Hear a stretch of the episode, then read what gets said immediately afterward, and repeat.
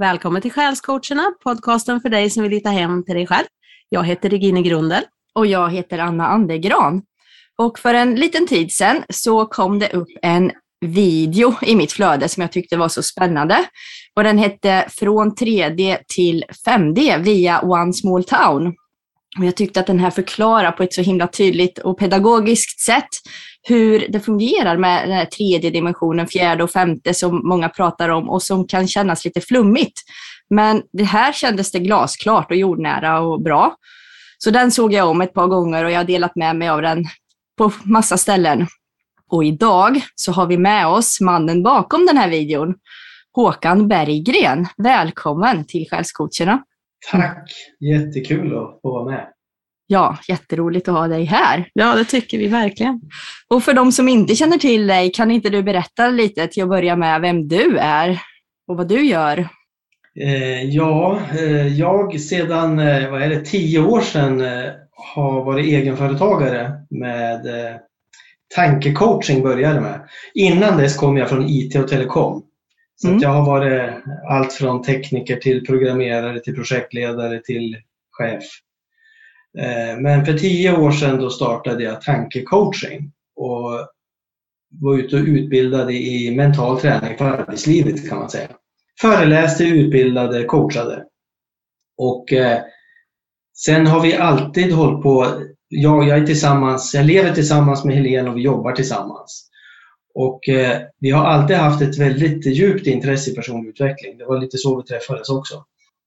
Så att vi har, vi har utbildat privatpersoner också och gått eh, längre på djupet än vad man kan göra när vi är ute på företag, när vi ska hålla oss väldigt logiska hela tiden. Och någonstans så såg vi att vi behövde splittra på det här så att vi gjorde två hemsidor kan man säga. Så vi har tankecoachen.se som är där vi riktar oss mot företag, vår logiska personliga utveckling. Och sen har vi 5dcoaching.se där vi kan flumma runt mycket mer då, för Helene är ju schaman också. Jag har ju också gått sådana utbildningar och healer och vägledare och, och sånt som vi inte kanske eh, går ut med när vi är på företag, kommuner och statliga verk. Så att det är lite resan och nu sen det här coronan då så har, vi, har det blivit så att vi har eh, styrt om vår verksamhet till så att det är till större delen mot privatpersoner och 5D-coaching och en liten del tankecoaching mot företag. Så att vi sitter inte och söker upp företag nu som vi gjorde tidigare. För de, de som vi hade kontakt med, de sitter hemma och vi vill ut och träffa dem liksom i grupp och de har ju faktiskt inte börjat jobba så än. De är väl på väg åt det hållet. Men, eh, så att vi har blivit faktiskt tvingade att göra det vi vill göra. Ja, det är bra. Ja. ja. Så att nu, nu är det full satsning mot privatpersoner. Så att vi, vi åker runt. Vi ska ju träffa er nere i någonstans i Örebroområdet. Och i Kristinehamn också. Ja, just det, precis. Och eh, vi har ju kurser, eh, helgkurser och så har vi halvårsutbildningar. Så nu till helgen ska vi till Björnrike och ha andra träffen i en halvårsutbildning som heter 5D-programmet. Mm. För privatpersoner. Ja. Går det att beskriva 5D-coachning lite grann bara? För det är ett nytt begrepp för mig i alla fall. Vad, det, mm. vad som finns i det lite grann. Eh, ja, eh, skillnaden då när vi tankecoaching och 5D-coaching. Då, vi är ju logisk i tankecoaching kan man säga. Då har vi liksom en logisk modell hur tankar och sinnet fungerar och hur vi har blivit programmerade uppväxter. Och när vi går in på 5D-coaching och pratar den den delen, ja då kopplar vi på att vi är, en and, vi är andliga. Vi har den här kroppen och vi har ett högre jag och vi har ett syfte, vi har en själ, vi reinkarnerar, eh, vi, liksom, vi tar det på en, en djupare nivå. Varför är vi här egentligen? Och hur hittar man det syftet? Och inte bara jobb, eh, försöker må så bra i den situation man har på jobbet, utan här är det mer varför är du här egentligen? Mm. Ska du kanske förändra ditt liv och hitta din större mening? Och hur gör man för att hitta sin större mening? Eh, vi har ju jobbat väldigt mycket med olika tekniker. Förutom de här healing-teknikerna så jobbar vi med något som vi kallar för 5D-tapping väldigt mycket. Och det är en kombination av EFT, Emotional Freedom Teknik, Faster EFT och NLP. Och eh, då är det intuitiv tapping vi brukar säga. Vi kan alla de där modellerna och så sedan beroende på den klient vi möter, vart den är någonstans, så åker vi mellan de här teknikerna. Och det utbildar vi i också, för vi möter ett enormt starkt bra resultat av eh, att göra så. Man behöver inte träffa en klient många gånger för att eh, de ska ha kommit dit de vill komma när vi använder det här. Är det Men EFT är också väldigt effektivt i sig och Faster EFT är väldigt effektivt i sig och NLP är också väldigt effektivt i sig. Men när man gör en kombo utav det här så blir det ännu bättre.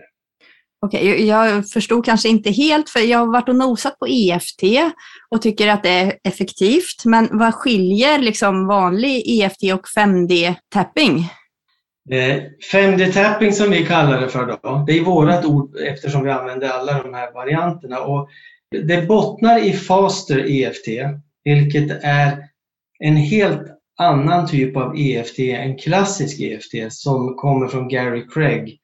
Det var en man som heter Robert Dean Smith som gick utbildning i EFT och han var även NLP och hypnosutbildad och tog det här en nivå till för att få det ännu effektivare. Så att våran bas i 5D-tapping är Faster EFT. Mm. Och så lägger vi in lite klassisk EFT vid vissa tillfällen och vissa saker i den där klassiska EFT som faktiskt man har tagit bort när man kallar det för tapping. Mm. För att man ska snurra ögon och man ska sjunga och man ska räkna. Tapping är ju en kort variant av EFT. Man mm. har tagit bort delar ur EFT och så kallar man det för tapping. Och Faster EFT, det är en helt annan förklaringsmodell. Eh, så det bygger inte på att pricka de här eh, chakrapunkterna på samma sätt som man ska göra i EFT. Fast man använder en del av de punkterna. Men förklaringsmodellen är inte att vi ska pricka några chakrapunkter. Utan det är en annan förklaringsmodell med hur det, vad som händer i hjärnan och synapserna när man, man tänker på ett annat sätt när man knackar och man, man coachar på ett annat sätt. Så det, det, är en annan eh, metodik. Mm. Så att han får egentligen inte kalla det för Faster EFT heller därför att de som kom på EFT tycker inte att eh, det är korrekt att eh, man ska rida på den vågen och kalla det för Faster EFT och bli känd mm. när det inte är EFT förutom att man knackar på några punkter som är samma och resten är helt annorlunda. Mm. Mm. Bara kort för de som inte vet, NLP, vad betyder det? Neurolingvistisk programmering.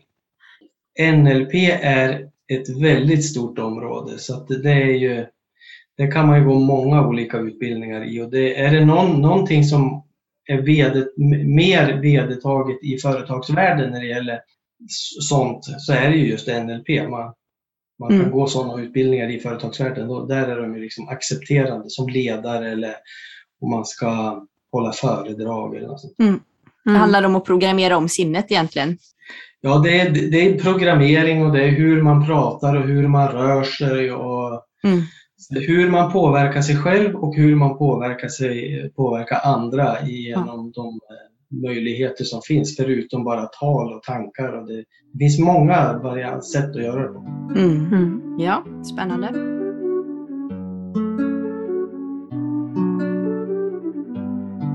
Ja, men eh, är det inte dags att vi kommer in på det här andra spännande jo. området med dimensionerna? Anna och jag har försökt att förstå det här och vi har till och med försökt förklara i något avsnitt, men vi är ganska flummiga i det här området så vi behöver dig som förklarar lite mer ordentligt, för du gör det så bra. Så snälla, kan du förklara skillnaden mellan 3D, 4D, 5D? Jag kan ju förklara det utifrån mitt sätt att se på det. Och det ja. finns säkert de som ser det på ett annat sätt. Men utifrån mitt perspektiv så är för det första så är, är dimensioner för mig ett frekvensområde och allt i universum är frekvenser i dess minsta beståndsdel. Det finns bara frekvenser. Så att micken jag ser i, i bilden är ju frekvenser och era kroppar är frekvenser. Allt är frekvenser. Och dimensioner är ett frekvensområde. Och vi har fem sinnen, syn, hörsel, känsel, lukt och smak. Och de fem sinnena, där kan vi uppleva ett frekvensområde inom ett större frekvensområde. Och det är ganska vanligt att man, det man inte kan se, höra, lukta, smaka eller känna, det finns inte. Många lever ju i den världen. Mm. Och, så att den här andliga världen, den världen man då inte ser, den finns inte eftersom våra fem sinnen klarar inte av att tolka den. Och så har vi fått lärt oss att det som man inte kan tolka med fem sinnen, det finns inte. Många har fått det programmet i uppväxten. Vi har liksom blivit stängd andligt i uppväxten. Mm. Eh, men då brukar jag bara säga så här att tv-signalerna eller mobiltelefonsamtalen, de ser ju inte heller innan de hamnar i, i, i tvn eller i mobiltelefonen, men vi tror ju på dem. Orsaken till att vi inte ser dem i luften är att de ligger på ett frekvensområde som ligger utanför våra fem sinnen. Och sen har vi en mobiltelefon som översätter frekvensen till, till en frekvens som örat klarar av. Och TVn översätter det till en frekvens som ögat klarar av och örat. Så att det, det finns ju väldigt mycket mer än det våra fem sinnen klarar av. Så tredje dimensionen är ju ett frekvensområde för vår medvetenhet. Och när jag var liten, vi kan säga när min farfar var liten, då hade, var ju frekvensområdet mindre än vad det är idag. För min farfar han var ju slagen i skolan. Mm. Om man inte gjorde som läraren sa så fick man ju, då slog man ju på fingrarna. Mm. mm. Och eh, när jag var liten, då rökte man exempelvis i bilen. Som vuxna gjorde det. Man tog inte hänsyn till att det var ett barn i bilen för det var väl ingen fara med, med cigarettrök. Liksom. Man fick Nej. sitta och andas genom polokragen. Eh, och det gör man ju inte idag. Va? Så att det, här medvetenheten ökar ju hela tiden, sakta. Och eh, nu har sedan 2012 så gick vi ju in i en ny tid kan man säga. Vårt solsystem, våran planet jorden, gick in i ett område i Vintergatan där det kommer väldigt höga energier över oss. Eh, så att vi, våra sinnen blir påverkade av yttre frekvenser. Så vår medvetenhet ökar mycket fortare nu än vad den har gjort tidigare. Så att vi utvecklas ju, vår, vårt sätt att se på saker utvecklas ju enormt. Fast vi utvecklas ju inte med samma samtidigt utan vi, har en, vi utvecklas ju med olika hastighet fast det går väldigt fort ändå. Och att då leva i 3D då är, man, då är man i min värld, som jag beskriver det, då är man ju kvar i sanningar som vi har fått sedan väldigt många generationer tillbaks. Att världen är som vi har lärt oss i skolan och som vi har lärt oss i vår uppväxt. Att eh, man ska jobba 40 timmar i veckan, det är så det fungerar. Eh, de som eh, beslutar och bestämmer, de vet bäst. Regeringen vet bäst, polisen vet bäst, mm. läkaren vet bäst, myndigheterna vet bäst, chefen vet bäst. Så det, man, man ger från sig kraften till någon annan. Mm. Eh, för så har vi blivit lärd att, eh, att systemet ska vara från det vi är liten. Så att, det är liksom, så att säger man någonting på TVn så är det ju så eftersom att där sitter det ju personer som vet och de har ju fått reda på från forskare och alla har ju liksom blivit utbildad i det här systemet. Så forskare och det spelar ekonomer och all, alla har ju liksom blivit inpaketerad i systemet och har ju fått lärt sig kunskapen i systemet så att man kan fortsätta att, att leva i systemet. Men nu när medvetenheten expanderar så är det ju väldigt många som eh, eh, börja sticka upp huvudet ur det här nätet, ur den här medvetenheten och börja se liksom ovanför det här. Varför ska man jobba 40 timmar i veckan för? Var, var, var, varför gör vi det egentligen? Det måste ju gå att göra någonting annat utav det här. Var, var liksom, var, varför eh, får man inte ha, jobba med healing exempelvis? Jag kommer ihåg första gången jag kom i kontakt med healing var i början på 90-talet då en person gav mig, eh, guidade in mig i Edgar Caseys verk, Den sovande profeten. Jag vet inte om ni känner till det, men han var en av de första kända kanaliserarna som levde från slutet på 1800 till 1940 någonstans. Och han eh, gjorde tusentals readings och hjälpte människor med alla typer av sjukdomar i USA. De vallfärdade till honom. Och eh, han läst, gick ner i, i trans och så läste han av vad som skulle göras och följde de hans eh, recept på vad man skulle göra så vart de bra. Och hans fru satt och skrev av de här readingsen. Så det finns idag ett center i USA med 15 000 readings som mm. svarar egentligen på det mesta fast vi använder dem inte. Och det här fick jag reda på då i början på 90-talet och tänkte liksom, men varför vet inte alla om det här? Det här är ju liksom en databank som är helt enorm. Nej, den, liksom, den får inte spridas. Så att, eh, ja, det är det här vi börjar se igenom nu. liksom, att eh, det, det, finns annat sätt att leva. Mm. Och, eh, och då börjar man gå in i fjärde dimensionen.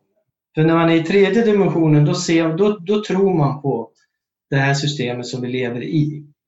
Att det ska vara så här. Och så mm. försvarar man det dessutom för att vi, vi har ju de sanningarna. så att vi har liksom inte expanderat så att vi ens ifrågasätter utan vi sitter och försvarar det här systemet som vi inte trivs med. För de flesta vill inte göra det man gör 40 timmar i veckan.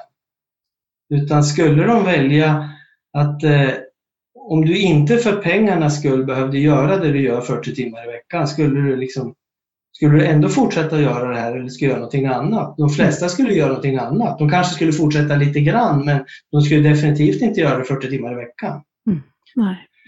Så att, men man har ju fått de där sanningarna så man sitter och försvarar det här. Men sen när man börjar liksom att vakna upp och se igenom det här, att det här är ju helt galet. Alltså det, så här ska det inte vara. Då går man in i fjärde dimensionen. Mm. Det som händer när man liksom stiger i frekvens och får den här medvetenheten, det är ju att mitt, mitt frekvensområde som jag ser saker vidgas. Så att jag, jag ser och upplever någonting som jag inte har upplevt förut. Vilket innebär att jag kommer att se saker som kan vara väldigt otrevliga därför att den här, det här skiktet som har skapat den här 3D-världen som vi tror på, de har hela tiden befunnit sig i låg 4D, så de har haft en högre medvetenhet än vi som har vuxit upp i 3D. Och när vi har, så länge vi befinner oss i 3D, då ser inte vi det här skiktet som styr den verkligheten. Men när vi börjar stiga i frekvens och medvetenheten ökar, då börjar vi helt plötsligt att se det här skiktet som styr den här 3D-världen. Och då kan det bli ganska läskigt för många. Mm. Det är då man kan hamna i en liksom dark night of the soul. Liksom. Man, det är många som blir väldigt deprimerade. Och, och, för vi brukar också säga att man kan vakna till, liksom börja se igenom den här illusionen från tre olika nivåer.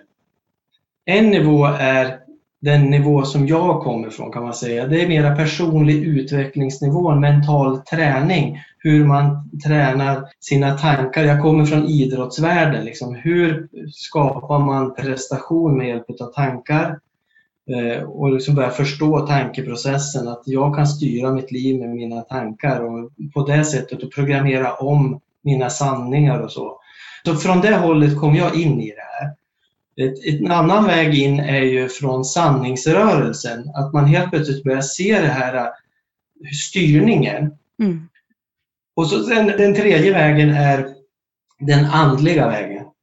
När man börjar liksom få den här andliga kopplingen och förstå liksom saker utifrån det hållet. Och de som kommer från sanningsrörelsen och inte har den här andliga kopplingen, de kan ju bli väldigt deprimerade och se ett väldigt mörker i den här fjärde dimensionen och inte se något ljus i det här.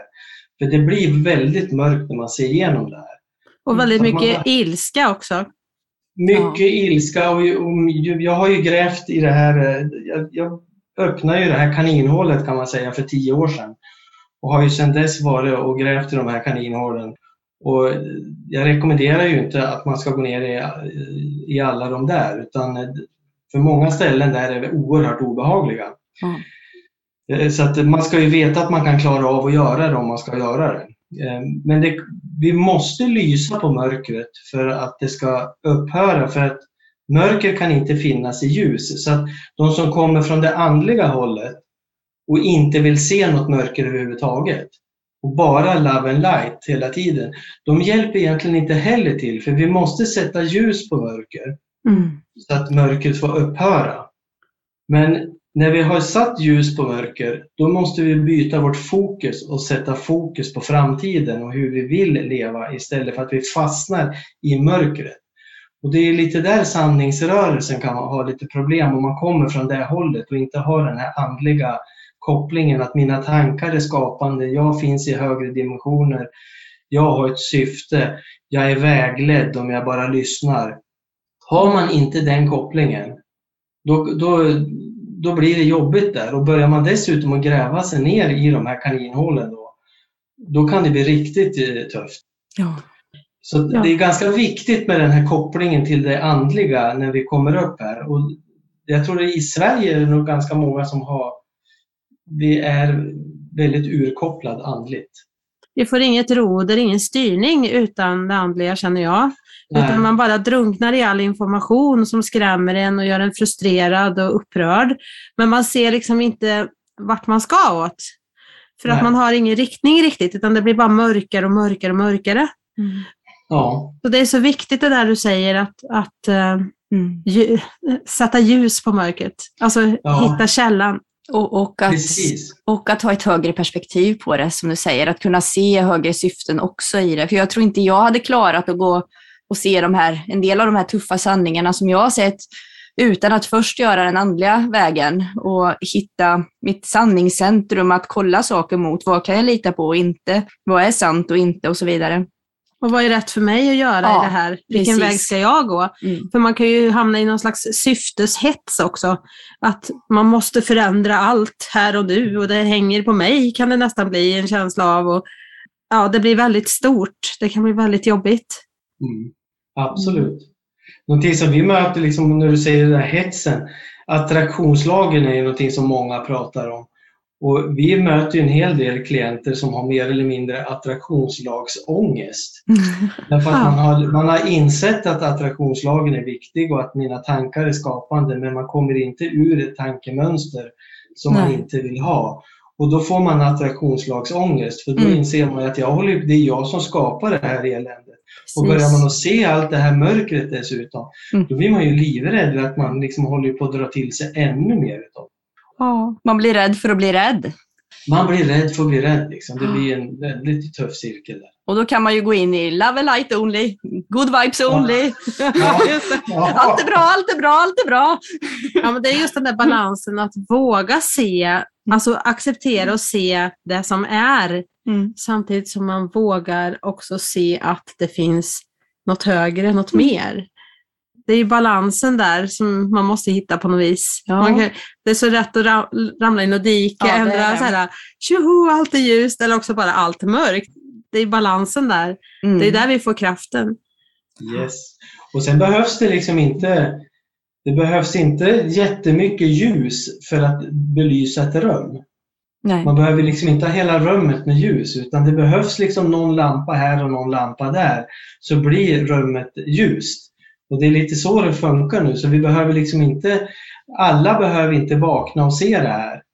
Utan när tillräckligt många vaknar så kommer medvetenheten att wow, expandera och väcka egentligen allihopa på ett eller annat sätt. Liksom. Så att vi kommer ju över någon tröskel någonstans och vi är väldigt nära den tröskeln Mm. när det liksom kommer att slå över. Men ju närmare vi kommer den här tröskeln, ju tuffare blir mörkret. För de vet, eftersom de har en högre medvetenhet än när vi kommer underifrån, så vet, de har ju vetat om det här hela tiden.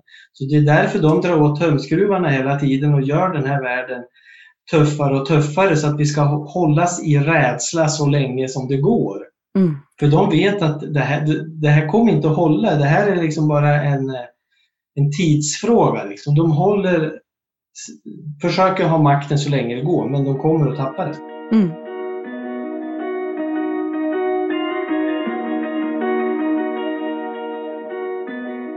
Men du, jag är lite nyfiken för du nämnde något om lägre 4D och högre 4D. Ja, Kan du förklara lite mer? ja precis. När vi, det här lägre 4D, då har man gått in i det här mörkret och så börjar man att se det. Och när man börjar ha den här andliga kopplingen och så börjar man att se och känna sitt syfte och börja förstå att aha, jag är med i en uppstigning nu, jag är med i en stor förändring. Det här, det här är någonting som gammal visdom i hela världen har vetat om. Fast de har beskrivit det på olika sätt. Så att det här, vi ska bara gå igenom den här födelsen nu, liksom det här mörkret och så kommer vi till ljuset. När man börjar se det, då stiger man ju i frekvens, så då börjar vi komma i hög 4D. Så då börjar vi liksom att komma ovanför det här mörkret. Så då är det ungefär som att vi istället för att spela i den här teatern med det här mörka och ta på oss munskydden och bli arg på allting. Och liksom, då kliver man ur och så tittar man på filmen istället. Liksom, och så ser man liksom att det här ja, det håller på att spelas ut här nu. Jag brukar säga till Helene när vi sitter och äter frukost på morgonen, när vi, när vi tittar ut genom fönstret så ser vi liksom de här fina träden och bergen. Och det ser precis likadant ut nu som det gjorde för tre år sedan. Och ändå så, men slår jag på TVn så är det ju jätte, liksom, kaos. Mm. Men slår man inte på TVn så är ju världen precis likadan som för tre år sedan.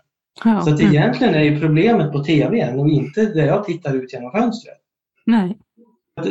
Det är liksom, det, så att hög 4D, då börjar vi gå ur det här skådespelet och så börjar vi liksom att se det på, på håll. Plus att vi, vi börjar se vart, hur, hur ska vi kunna ta oss upp till 5D? Och det är då jag kom in på det här med One Small Town. För som jag upplever det av de många vi möter så Många hör ju talas om 5D och känner till det, men hur, hur kan det se ut? Liksom man har, liksom, det är svårt att få en liten bild om hur är det möjligt att ändra det här systemet som vi har levt i så många generationer. Går det överhuvudtaget? Och då finns ju det här konceptet som Michael Tellinger, det är han som är språkröret, då, från, han är från Sydafrika, som går ut med det här och har gjort sedan 2005. Men det är nu det verkligen är hett i hela världen. Ska jag beskriva det nu eller har ni några funderingar innan jag går dit? Nej, men, men kör den vägen då. Jag, jag är ju väldigt nyfiken på det här med 5D överlag, men eh, det kan ju förklaras ja. av det här. För mig är ju One Small Town, det heter ju innan konceptet One Small Town kom, så kallar jag, kallas det för Ubuntu Movement. Och eh, för mig är One Small Town är ju vägen till ett penninglöst samhälle. Så att i hög 4D så börjar man att se One Small Town-konceptet. Och när vi har genomfört det, när liksom världen har börjat liksom ha genomfört det, då kan vi komma till det här penninglösa samhället. Är Ubuntu det, är... det penninglösa samhället? Ja, det kan man säga att det är. Fast när det hette Ubuntu Moment, då kan man väl säga att då var ju det vägen till penninglöst samhälle. Men sen har han liksom format och gjort ett projekt kan man säga som skulle tydliggöra hur gör vi för att komma till ett penninglöst samhälle. Och så har han kallat det för One Small Town. För han har, han har, de har räknat på det här och insett att det bästa sättet att komma till ett penninglöst samhälle det är att börja med en liten stad. Och mitt eh, uppdrag i det här är kanske inte att vara den entreprenören som eh, gör de här sakerna som behöver göras för att komma till skott i en liten stad. Mitt jobb i det här är att förklara den här modellen så att, att det finns en entreprenör som hör min förklaring som sen tar tag i taktpinnen och sätter igång och gör saker.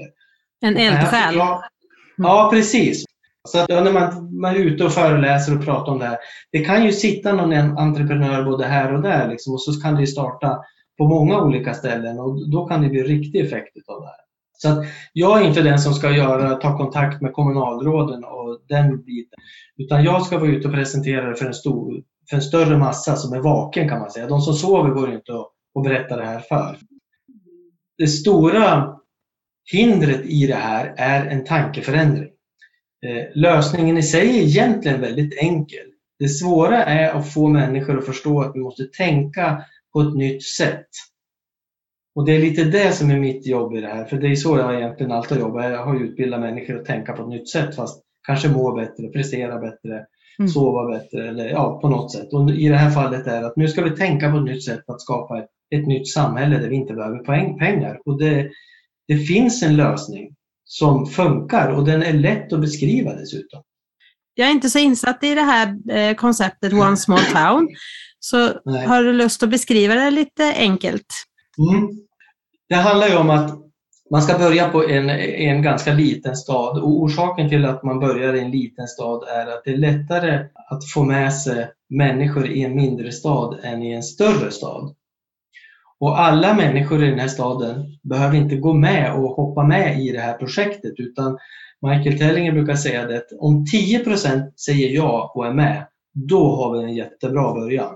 Så att om vi säger att vi har en stad på 20 000 invånare, säger vi. Det är en ganska liten stad. Och så Kristinehamn. Så är det... det är Kristinehamn, ja. ja, ja just det. Okej, okay, då kan vi säga Kristinehamn. Ja. Och så säger vi att 10 procent hos er säger ja till det här. Och det de säger ja till då, det är att de ska ge tre timmar i veckan till det här projektet, One Small Town, till det här systemet. Och Det de säger ja till då, då det är att först så ska man ju skapa en, eh, en ledning för de här 10 procenten. Eh, så att man på något sätt ska man ta fram en grupp människor här som man litar på. Så att det är ju inte de som leder staden idag, utan det är ju ett, en grupp människor som ingår i den, de som har sagt ja. Så på något sätt får man ta fram dem. Det, det kommunalrådet ska göra, det är ju att kommunalrådet behöver ju säga ja till det här systemet, att man inför det här. Så att det är därför man behöver gå till, till en kommunledning och beskriva det här. Så att de som går till en kommunledning behöver vara väldigt påläst och kunna svara på på väldigt mycket frågor. För har de inte hört det här så kommer de ställa väldigt mycket frågor. Så det går liksom inte att komma till en kommunledning och, och kunna det här lite halvdant, utan det här ska man kunna bra då. Och det en kommunledning gör, han behöver inte skjuta in några pengar i det här, utan han behöver säga ja till det här och han behöver vara ansiktet utåt egentligen och säga att jag står för det här. Det här är ett jättebra projekt. Och kommunen har ju liksom kontaktvägarna ut i samhället.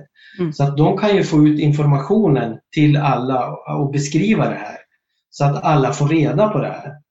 Så att han får tillgång till de uppgifterna. Man kanske bygger en webbsida eller någonting så att man får ut den här informationen och beskriver vad det här handlar om. Och sedan så kan kommunledningen driva staden precis som den alltid har gjort förutom att den säger ja och sprider den här informationen och är ansiktet utåt.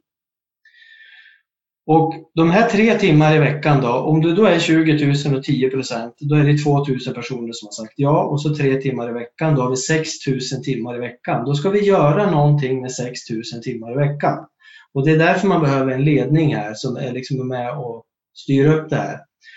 Så det, det man behöver göra först är att se, först behöver man kolla på de här grundbehoven som vi har, som mat exempelvis. Man kanske ska titta på hur vi tar fram vår egen mat. Om vi tar, en bag, vi tar bageri som ett exempel, jag brukar ta det för det är ganska enkelt. Ett bageri är med i det här och det man ska då göra det är att man ska baka bröd så att alla som har sagt ja, 2000 personer, ska få det bröd de behöver. Och då får de det gratis för att de är med i det här projektet. De är med i One Small Town. Och så bakar man två gånger så mycket bröd. Tre gånger så mycket bröd. En tredjedel delar man ut till alla. Två tredjedelar säljer man till de som inte är med i One Small Town eller till annan stad. Och så sen gör man ett bröd som är eh, väldigt nyttigt, gott och man säljer det till ett betydligt billigare pris än brödet i affärerna idag. Vilket innebär att det här brödet kommer att säljas först. Därför att det är billigare, det är hälsosammare och det är godare. Orsaken till att det är billigare det är att vi har gratis arbetskraft förutom på den som leder verksamheten. Så att man kommer att betala viss, en liten del arbetskraft. Den stora delen arbetskraft är tre timmar i veckan arbetskraft som är gratis. Och därför så kan man ju då sälja det här betydligt billigare. Och då kommer man ju få in en summa pengar för det här brödet. Och Då kan det vara så här att det, det, finns investerare som är involverade i det här. För att, i att man, nu ska vi kanske behöva baka lite mer bröd än vad vi gjort tidigare. Nu. Så att vi behöver bygga ut det här bageriet och vi behöver liksom göra plats för mera bagare. Och då kostar det pengar. Så i början i ett sånt här projekt så kan det komma investerare. Och det här har ju Michael Tellinger hållit på att sprida sedan 2005 så idag finns det tydligen väldigt många intresserade investerare i världen som står och väntar på att en sån här stad ska bli eh, aktiveras. Och då går investeraren in och lägger pengar för att bygga ut det här bageriet. Och så kommer det in pengar när man säljer de här två tredjedelarna. Då har man en pott med pengar. Och av den potten pengar så får investeraren en tredjedel en tredjedel går till att utveckla fler projekt i staden, eh, i One Small Town. En tredjedel delar man ut till alla som är med i One Small Town. Och när investerarna har liksom fått sin del eh, över den tidplan som är planerad, då åker han ut. Så att investeraren är med en period och så sen åker investeraren ut. Eh, och det är ju han medveten om, eller hon. Så att det är liksom, de är där för att tjäna pengar en stund och så sen försvinner de. Men de är bra att ha i början. Och det här är ju bageriet då. Sen kan du ju starta massor med eh, olika projekt. Då. Och har man ett bageri så kan det vara bra att tänka vad använder bageriet för pro produkter för att kunna baka sitt bröd? Så kan man ju starta projekt av sådana produkter så att man inte behöver köpa det som man ska baka brödet av utan man får så mycket som möjligt gratis i projekten av de här tre timmars arbetskraften. Är det någon idé om att man ska bli självförsörjande också i förlängningen? Eller? Ja, förlängningen när inte pengar finns så blir det ju så. Mm. Eh, så att det är liksom, vi ska ju börja skapa oss den här maten så att vi kan äta först. Men sedan så säger jag, det finns ju några områden som är väldigt eh, bra ekonomiskt att satsa på om man liksom ska ha in pengar in i det här samhället. Han säger man, man behöver ju till en början kanske kolla vad, har man en eh, mindre stad, många gånger så har ju mindre städer eh, tuffare än större städer för att de större städerna har ju liksom sugit åt sig stora delar av jobben. Så att det kan ju finnas byggnader som står tomma i, i mindre städer exempelvis. Så man, man kommer ju söka upp sådana ställen för att infrastrukturen redan finns på plats och så börja använda den.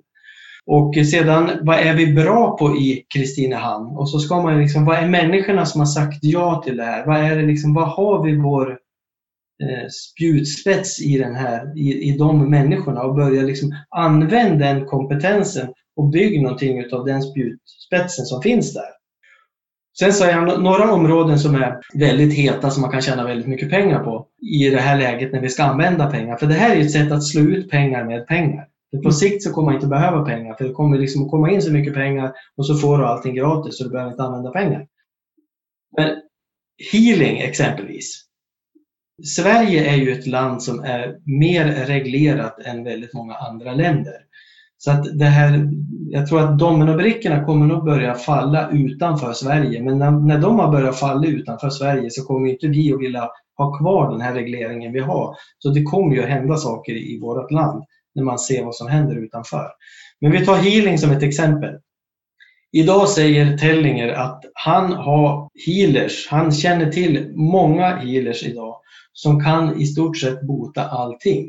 Som alla problem vi har, som cancer och sådana problem som vi har avancerad teknik för idag som kanske inte är så riktigt så hälsosam för oss. Mm. Men det finns healingmetoder idag som vi inte får använda. Därför att då tappar man ju pengar i den här ekonomiska snurren som vi lever i. Då kan man starta sådana här friskcenter och tillåta de människorna jobba där. Och bara av att man gör det så kommer de från hela världen och vilja bo där. Det kommer att bli väldigt många sådana människor där. Mm. För man, man vill, de som är healers vill ju gärna göra det här istället för att göra det i smyg så får man göra det helt öppet. Vilket innebär att det kommer att vallfärda människor från hela världen som har problem, som inser att här kan jag bli botad på ett sätt som inte skadar hälsan på något annat sätt. Det blir inga biverkningar utan hit kan jag åka för att helt enkelt bli frisk. Och då är det liksom egentligen bara frågan om hur många kan man bota här? Det är hur många healers vi har egentligen, för det kommer, det, behovet är enormt.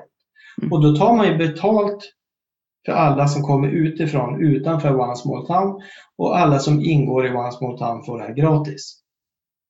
Så där, det är ju liksom ett ställe där man kan ta in väldigt mycket pengar i systemet. Och så sen delar man ju på pengarna precis som vanligt. Då. Finns det en investerare så får investeraren en tredjedel. Och så utvecklar man One Small Town med projekt med en tredjedel. och en tredjedel det delar man ut i pengar som man stoppar i byrålådan.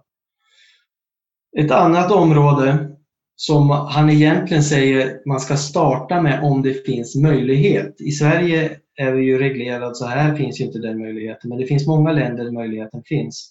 Det är fri el, fri energi. För han påstår också att han har kunskap och tekniker eh, som idag kan ta fram fri energi. Men de eh, kan inte göra det i dagens samhälle för då, eh, då råkar de illa ut. Mm. Så att de ligger egentligen bara och väntar på att det här ska liksom, någon ska säga ja någonstans i världen och då kan han erbjuda fri energi. Och det, de, får han en sån stad, säger han, då, då kommer det bli en eh, raketstart i den staden. För att då, då kan de som bor och har sagt ja till det här, då får de tillgång till fri energi. Och så går det in en investerare, för det står investerare på kö och vill vara med på fri energi. Så kommer de att vara med och etablera de fri energi till de här. Och så fortsätter man att betala elräkningar precis som förut för att få in pengar för att utveckla fler projekt. Tills den här investeraren har fått pengar så han är nöjd med sitt investeringsprojekt. Så när han går bort, då är det fri energi på riktigt. Plus att man har ju fått in väldigt mycket pengar ganska snabbt in i det här systemet som man har använt till att utveckla andra projekt och som man har delat ut till de som är med i det här projektet. Så det är en sån där område som kommer att generera väldigt mycket pengar bara man har möjlighet att etablera det. Ett tredje område som man också säger är ett sånt väldigt effektivt område är eh, persondatorer. Han påstår dessutom att han har personer som vet och kan utveckla datorer idag som är långt mycket bättre än de vi har. Eh, snabbare, effektivare. Du kommer inte behöva byta dator egentligen. Och att börja bygga de datorerna och sälja dem utanför det här, det, det, kommer människor stå i kö för. För idag är det ju, det är ju slit och släng det här. Liksom. Det är, efter några år så byter ju alla datorer och mobiltelefoner hela tiden och det är ju skapat för att det ska vara så. Mm. Istället för att bli skapat för att det ska bli hållbart. Mm. Och börjar man att skapa det för att det ska vara effektivt och hållbart så kommer ju människor att välja det. Och det, det, blir samma sak där. Där kommer man att kunna tillverka så mycket som vi kan tillverka, så många timmar som vi har tillgång till att tillverka. Mm. Och det kommer också kunna generera enormt. Och de här 90 procenten som inte sa ja till One Small Town, när det här har gått igång och när liksom, det är flera projekt, det är baka bröd och det är odlingar och det är hästfarmare och det datorbyggare och healers och allt möjligt. Så det är många projekt som rullar överallt. Och det delas ut pengar varje gång mm. i, i det här. Så till slut så de här som är med i det här kan ju sluta sina vanliga jobb. För de får ju liksom maten får de gratis, de får datorerna gratis, de får kläderna gratis. De får väldigt mycket gratis och plus att de får pengar. Mm. Så då, då slutar de med sina vanliga jobb och så sen är det de här tre timmar i veckan. Och en en datatekniker eller en, en, en, programmerare exempelvis, som en riktig datanörd som vill utveckla, som sitter där och utvecklar de här effektiva datorerna. Tror ni att han kommer att nöja sig med tre timmar i veckan? Nej. Han kommer ju sitta där 40 timmar i veckan eller mer ändå, för det är han, det är det han brinner för. Och den här människan som älskar hästar, inte kommer den personen att jobba på hästfarmen tre timmar i veckan.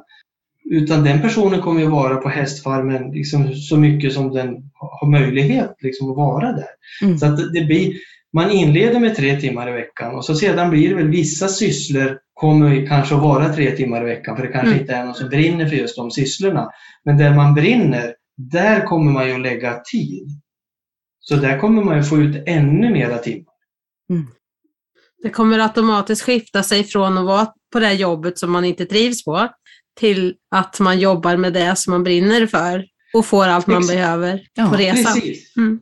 Ja, det är så det kommer att bli. Liksom. Och när man börjar se det här konceptet så är det ju väldigt enkelt egentligen. Om vi börjar, liksom, vi, vi börjar, och vi börjar samarbeta istället. Det blir ju dessutom att vi kommer att lära känna varandra i och med mm. att de här tre timmar i, i veckan, vi, vi kommer ju kanske att åka runt på olika projekt. Så att jag kommer att få prova att vara i bageriet fast jag kanske aldrig har varit bageri. Men sen jag har varit där några gånger så kommer jag ju kunna förstå bagerijobbet. Och Mm. sen nästa gång kommer jag vara på, på fältet och odla så får jag lära mig det området. Och så sen kommer jag vara på healingcentret och så helt plötsligt får jag inse att ja, jag kanske också kan heala. Så får jag lära mig Mm. hur man jo- jobbar med healing och så får jag lära mig att bygga ihop datorer. Så att vi kommer ju bli oerhört kompetenta. Och våra barn kommer få chansen i sin utveckling att åka runt här och vara med i de här projekten istället för att sitta i en, i en bänk och lyssna på någon som pratar. Utan de kommer ju vara med här och få prova de här sakerna och visar det så att man älskar att spela gitarr, liksom, då är det ju där man ska utvecklas. Mm. Eller vart det nu är någonstans man, man fastnar för. Liksom. Så att det här är Ja. ju liksom att gå från att göra det man inte vill till att göra det man vill. Och dessutom kunna leva på det. Liksom. Ja, Mm. och dessutom ha roligt. ha Och må roligt, bra. Liksom. Och börja känna, liksom, idag är det ju, ju större stad, ju mer människor, ju tajtare vi bor, ju mindre känner vi varandra. Ja. Väldigt. Bor man anonymt. Ja, exakt. Bor man på landsbygden så känner man ju Nisse där tre kilometer upp på höjden. Liksom. Ja, liksom då kommer man inte undan. Nej. Nej, så är det ju. Nej, precis. Det är jättespännande. Verkar ha jättemånga fördelar det där. Men jag är också lite nyfiken på det här 5D har vi inte pratat gör mycket om än. Nej. Vad innebär det för dig att leva i 5D? Vi har ju blivit eh, lärd i uppväxten att leva utifrån tankar och logik. Mm. Vi får sanningar utifrån tankar och logik. Det är hjärnan vi ska tänka fram saker. Det är ingen som har pratat om vad vi känner i vår uppväxt utan det är mest att vi har ont någonstans och så får man ett plåster eller en Alvedon. Liksom. Ja, och det var inte så farligt. Upp och hoppa. Nej, precis. Men i 5D, där lever vi i, i känslan. Där är det den som är viktig. Där går vi liksom på vår intuition och vår känsla och lever i intuitionen. Vi blir väldigt snabbmanifesterande för det är väldigt snabba frekvenser.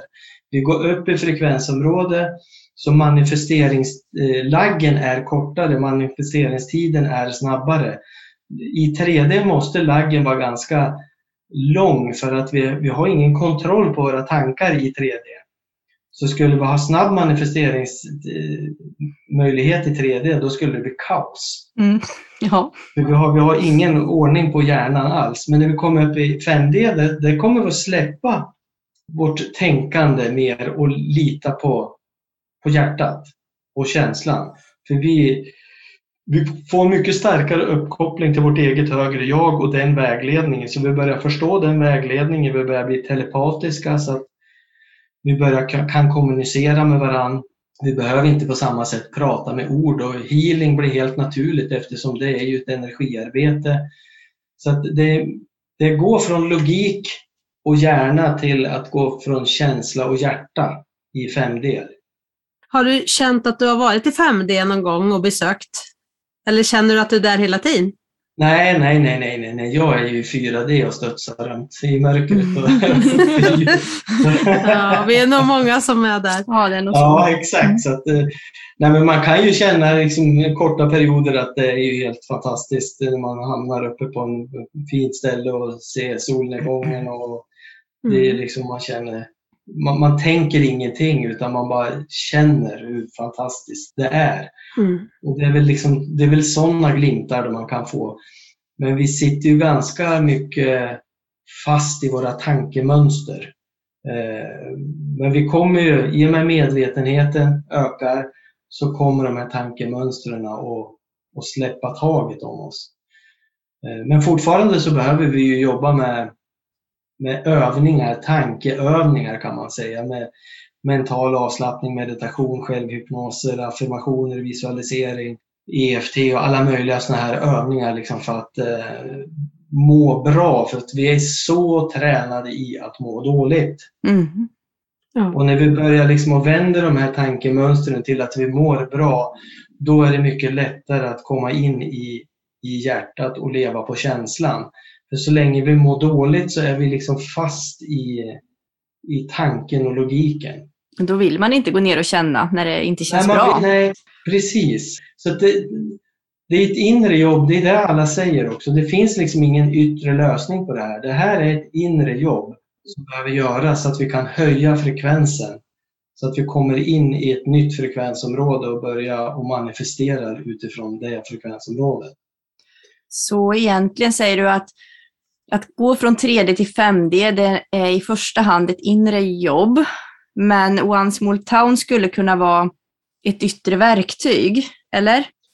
Jag använder One Small Town som en logisk förklaringsmodell för människor som behöver logisk förklaring för att se den här lösningen. Vissa människor behöver inte logisk, förklarings, eh, logisk förklaring. Andliga människor som har liksom kommer från det hållet, de behöver ofta inte en logisk förklaring utan de ser att det här kommer att bli fantastiskt ändå. Men de som kommer från sanningsrörelsen och även från mental träningshåll som också är mer logisk, de behöver, jag kommer därifrån, jag behöver se en logisk eh, lösning på det här. Mm. För att kunna höja min frekvens, för att kunna må bra och jobba mot någonting så att, så att jag kan tro på det eftersom att det är våra sanningar som skapar vårt liv. Ja. Så att, för att kunna byta sanning så behöver jag se en möjlighet. En andlig person behöver inte se den möjligheten på samma sätt, för den bara känner att det här löser sig. Mm. Och jag har ju utvecklat min andlighet så att jag har ju kommit närmare det. Men Helen är ju mera att hon behöver inte någon logisk förklaring. Och jag är ju, kommer från IT-världen, ettor och nollor. Mm. Så jag behöver ju mer logisk förklaring. En målbild också kanske? Ja, en målbild. Liksom, så att, eh, för jag vet ju att mina tankar är ju skapande så, att, eh, så jag jobbar ju väldigt mycket med målbilder. Det, har ju, det var där det började för länge sedan inom idrotten. Ja. Jag kan också tänka att det är ett bra sätt att konkret göra någonting i linje med det, man in, in, det som kommer inifrån och som man vet och även om man vet och ser en vision framför sig hur det kommer att bli så ändå någonting behöver man ju ändå göra under sina dagar, oavsett om det är att gå till sitt jobb eller vad det nu är man pysslar med, städa eller diska eller någonting behöver man ju Ja, och jag tänker att görandet också behöver vara i linje med själen och syftet och hjärtat och det här. Och då kan ju det vara någonting att konkret göra för att snabba på processen, även i det fysiska. Jag brukar säga så här att man ska följa brödsmulorna. Mm. Man ska liksom, Bashar, jag vet inte om ni känner till en kanalisering från Darulanka. Han brukar säga det liksom att man har alltid, du har alltid ett bästa val hela tiden. Vart du än har hamnat i livet, även om du är inmålad i ett hörn, så har vi alltid liksom, något val har vi alltid att göra. Mm. Och då ska vi alltid välja det bästa valet för mig och alla andra. Mm. Som ger mig det bäst, bästa, högsta frekvensen och min omgivning högsta frekvensen. Och så gör jag det valet och så utför jag det valet så länge jag kan tills jag liksom har kommit dit jag är klar med det. Då, då har det ju öppnat sig nya dörrar för mig. Då, då tittar jag, vad har jag för val nu? Och så gör jag ett val där, ett agerande som ger mig högsta frekvensen och min omgivning den högsta frekvensen utifrån där jag befinner mig just nu. Antingen långt ner i frekvens eller väldigt högt i frekvens. Det spelar liksom ingen roll. Och så agerar man där. Och gör man, följer man brödsmulorna på det här sättet, då kommer man dit man ska när man ska med, med den man ska. Ja.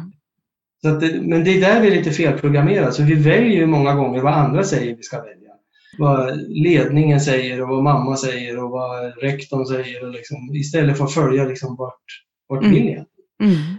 Men är inte det lite resan från 3D till 5D då, om jag förstår det nu, att det handlar om att gå ifrån att lägga kontroll och makten på utsidan av sig till att ta ansvar för att lägga det på insidan och manifestera med ansvar och tilltro.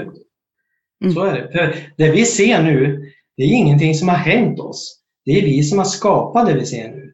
Det här är ju en manifestering som kommer, i och med att det kommer höga energier över oss nu. Så på, vi, hela mänskligheten är ju fullproppad med triggers och låga energier i våra energifält som vi inte har velat bearbeta, för vi har inte vetat att man ska bearbeta sånt. Och så kommer det höga energier över oss nu som bara trycker upp de här låga energierna för hela mänskligheten. Så det vi ser nu det är ju en spegling av våran insida som är på väg ut. Så när vi börjar med det här inre jobbet nu så kommer ju spegeln att ändras. Så att mm. Verkligheten är inte verklig utan det är bara upplevelsen av verkligheten som är verklig. För allt är bara frekvenser, tid och rum finns inte. Utan det, allting skapas ju här bak i våra huvuden, liksom, i, i vårt syncentrum. Mm. att jobbet är definitivt på insidan, så ändras spegeln på utsidan. Men jag tänker också, ni som jobbar med coachning nu då, på olika sätt. Ser du att många människor kommer hamna i lägen där de verkligen behöver vägledning och coachning framöver? Att energierna höjs som du säger och många, många mer hamnar på vägen från 3D till 4D och kanske hamnar i det här äh, rädsla, oro, depression, allt det här äh, när de möter sanningar som de kanske inte har sett förut. Hur, hur kan vi som kanske har kommit en bit på den här resan hjälpa andra? Det är vi som behöver hjälpa andra. Det, är, det kommer ju att... När, liksom, när, när, vi, när vi har börjat höja frekvensen så att vi kommer till den här punkten där det börjar på bryta igenom. Det bryter, man, man väntar på att media ska börja på prata om andra saker exempelvis.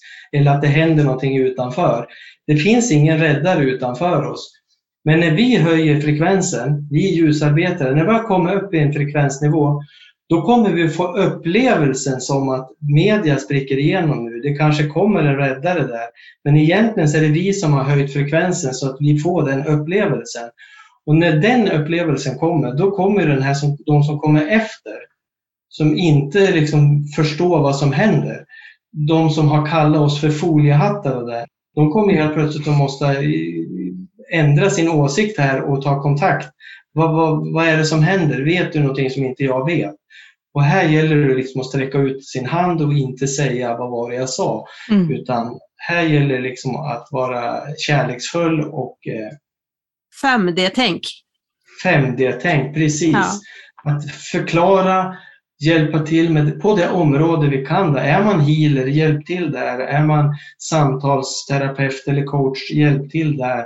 Vi, får, vi behöver verka där vi kan verka och hjälpa till för att det kommer att bli ett enormt behov. Mm. Ja, det tror jag med faktiskt.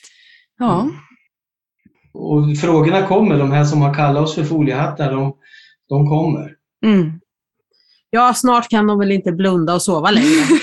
Nej, därför att vi jobbar på höjd. Frekvenserna höjs nu så enormt hela mm. tiden. Det är fler och fler för varje dag. Liksom, som, plus att mörkret pressar på mer och mer, vilket mm. gör att det bara väcker fler människor som börjar se igenom det här. Så det, de mot, det blir liksom motsatt effekt egentligen. Så att det, ljuset kommer ju och till slut så spricker det här igenom och jag tror att bara under den här november-december nu kommer det att bli väldigt spännande. Ja, jag har känt hela tiden att den här vintern kommer vara väldigt spännande och, mm. och lite avgörande på lite olika sätt tror jag. Ja, verkligen. Mm. Mycket energier i omlopp. Mm. Verkligen. Så mm. Det är våran tid som kommer nu framöver. Ja. Och det, vår, det, vi behöver göra nu liksom, det är ju att gå ur det här skådespelet och inte gå in och leva och spela med i det här dramat. Mm. För då sänker vi frekvensen. Här gäller det att gå ur, hålla hög frekvens, stänga av TVn. Jag slängde ut den för länge sedan, så det är mm. många år sedan. Så att jag, jag vet egentligen inte vad som händer på det sättet, men när jag tittar ut så ser det ut som vanligt i alla fall. Och jag mår ja. väldigt bra. ja. ja, ja, precis. precis. Ja.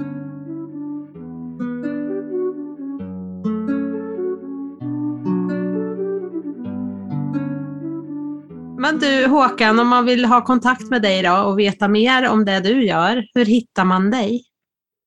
Ja, då hittar man ju mig. Om man, har man lyssnat på det här, då tror jag att man ska gå in på 5dcoaching.se. Då är det där man hittar. Och så sen har jag ju Youtube-kanalen som heter Tankecoaching och 5D-coaching. Eh, och den hittar man ju också via 5dcoaching.se om man går in där. Och så har vi, vi har också en podd faktiskt, men den, är, den kommer lite stötvis. Den heter Tankecoaching-podden. Den, eh, när vi gör avsnitt så brukar vi göra flera avsnitt. Jag tror jag har 10-12 avsnitt nu. Mm. Men ni har ganska många filmer på era Youtube-kanaler, ja, eller hur?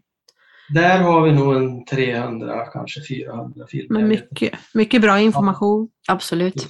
Jag har en hel föreläsning som heter Tankar skapar framtid, del 1. Så att när vi möter klienter, när de bokar tid med oss, så brukar vi ofta säga det. Titta på den där filmen innan mm. du kommer.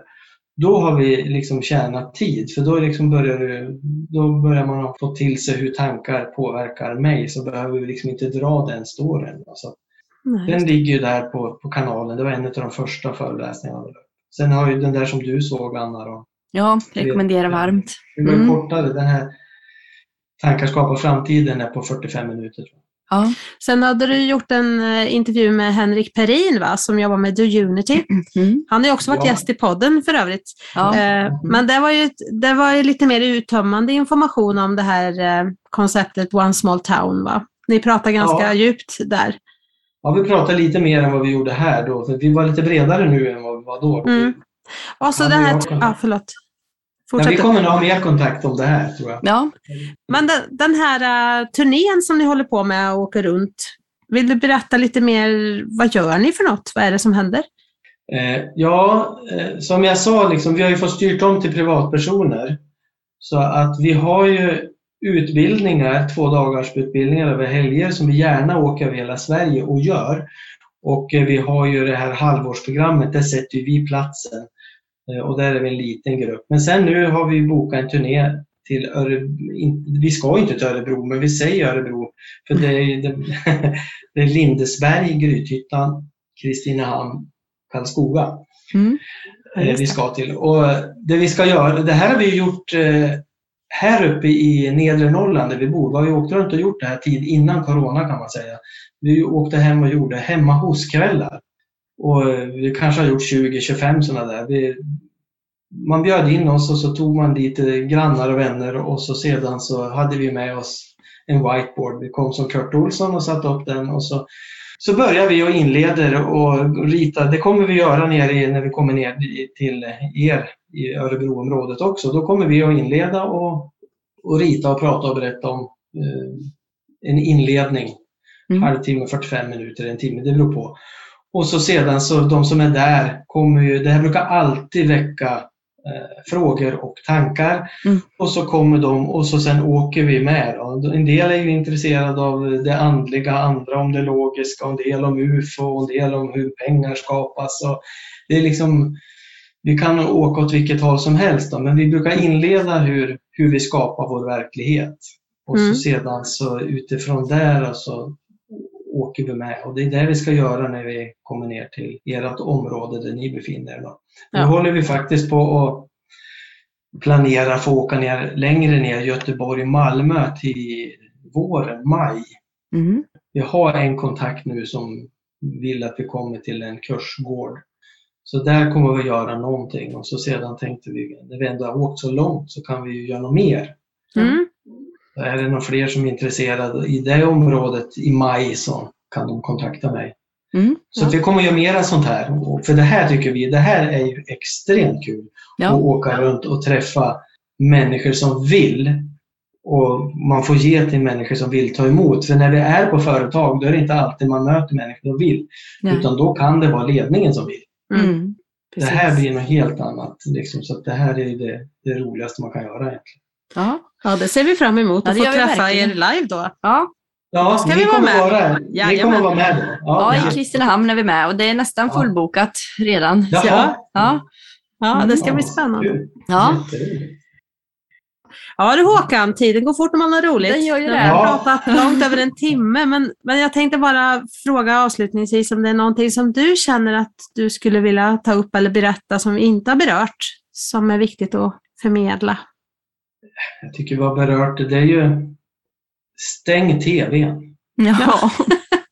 ja. det, är liksom, det går inte att lyssna på media idag. Liksom. Det, det börjar, om man inte liksom börjar höra att det, det stämmer inte, liksom, det, det börjar på att bli väldigt galet nu. Nu har inte jag TV, men jag, jag får ju klipp. Jag följer ju i sociala medier, så att där, mm. där klipper man ju ut de här galenskaperna. Så jag får ju den vägen. Och så sen har jag, känner jag människor som tittar på TV. Så att jag får ju ändå reda på mycket. Så att, det är väl ett tips. Om man vill må bra, stäng TVn. Och det rekommenderade jag långt innan Corona också. Mm. nyheterna har ju aldrig gjort att människor mår bra. Det är inte där de fokuserar på mest. Nej, det är liksom inte där det handlar om där, utan det är ett, rädsla där. Mm. Ett perspektiv ja. ofta också, väldigt onyanserat. Jag brukar säga om, om, om verkligheten är sådär, Mm. Så, eh, så liksom nyheterna pratar ju om det där och det är ju bara mörker. Mm. Ja. Det är ju väldigt mycket ljus. Ja, Mm. så är det. Och, så att, eh, ja, det är väl det tipset. Laserstråle av mörker. Mm.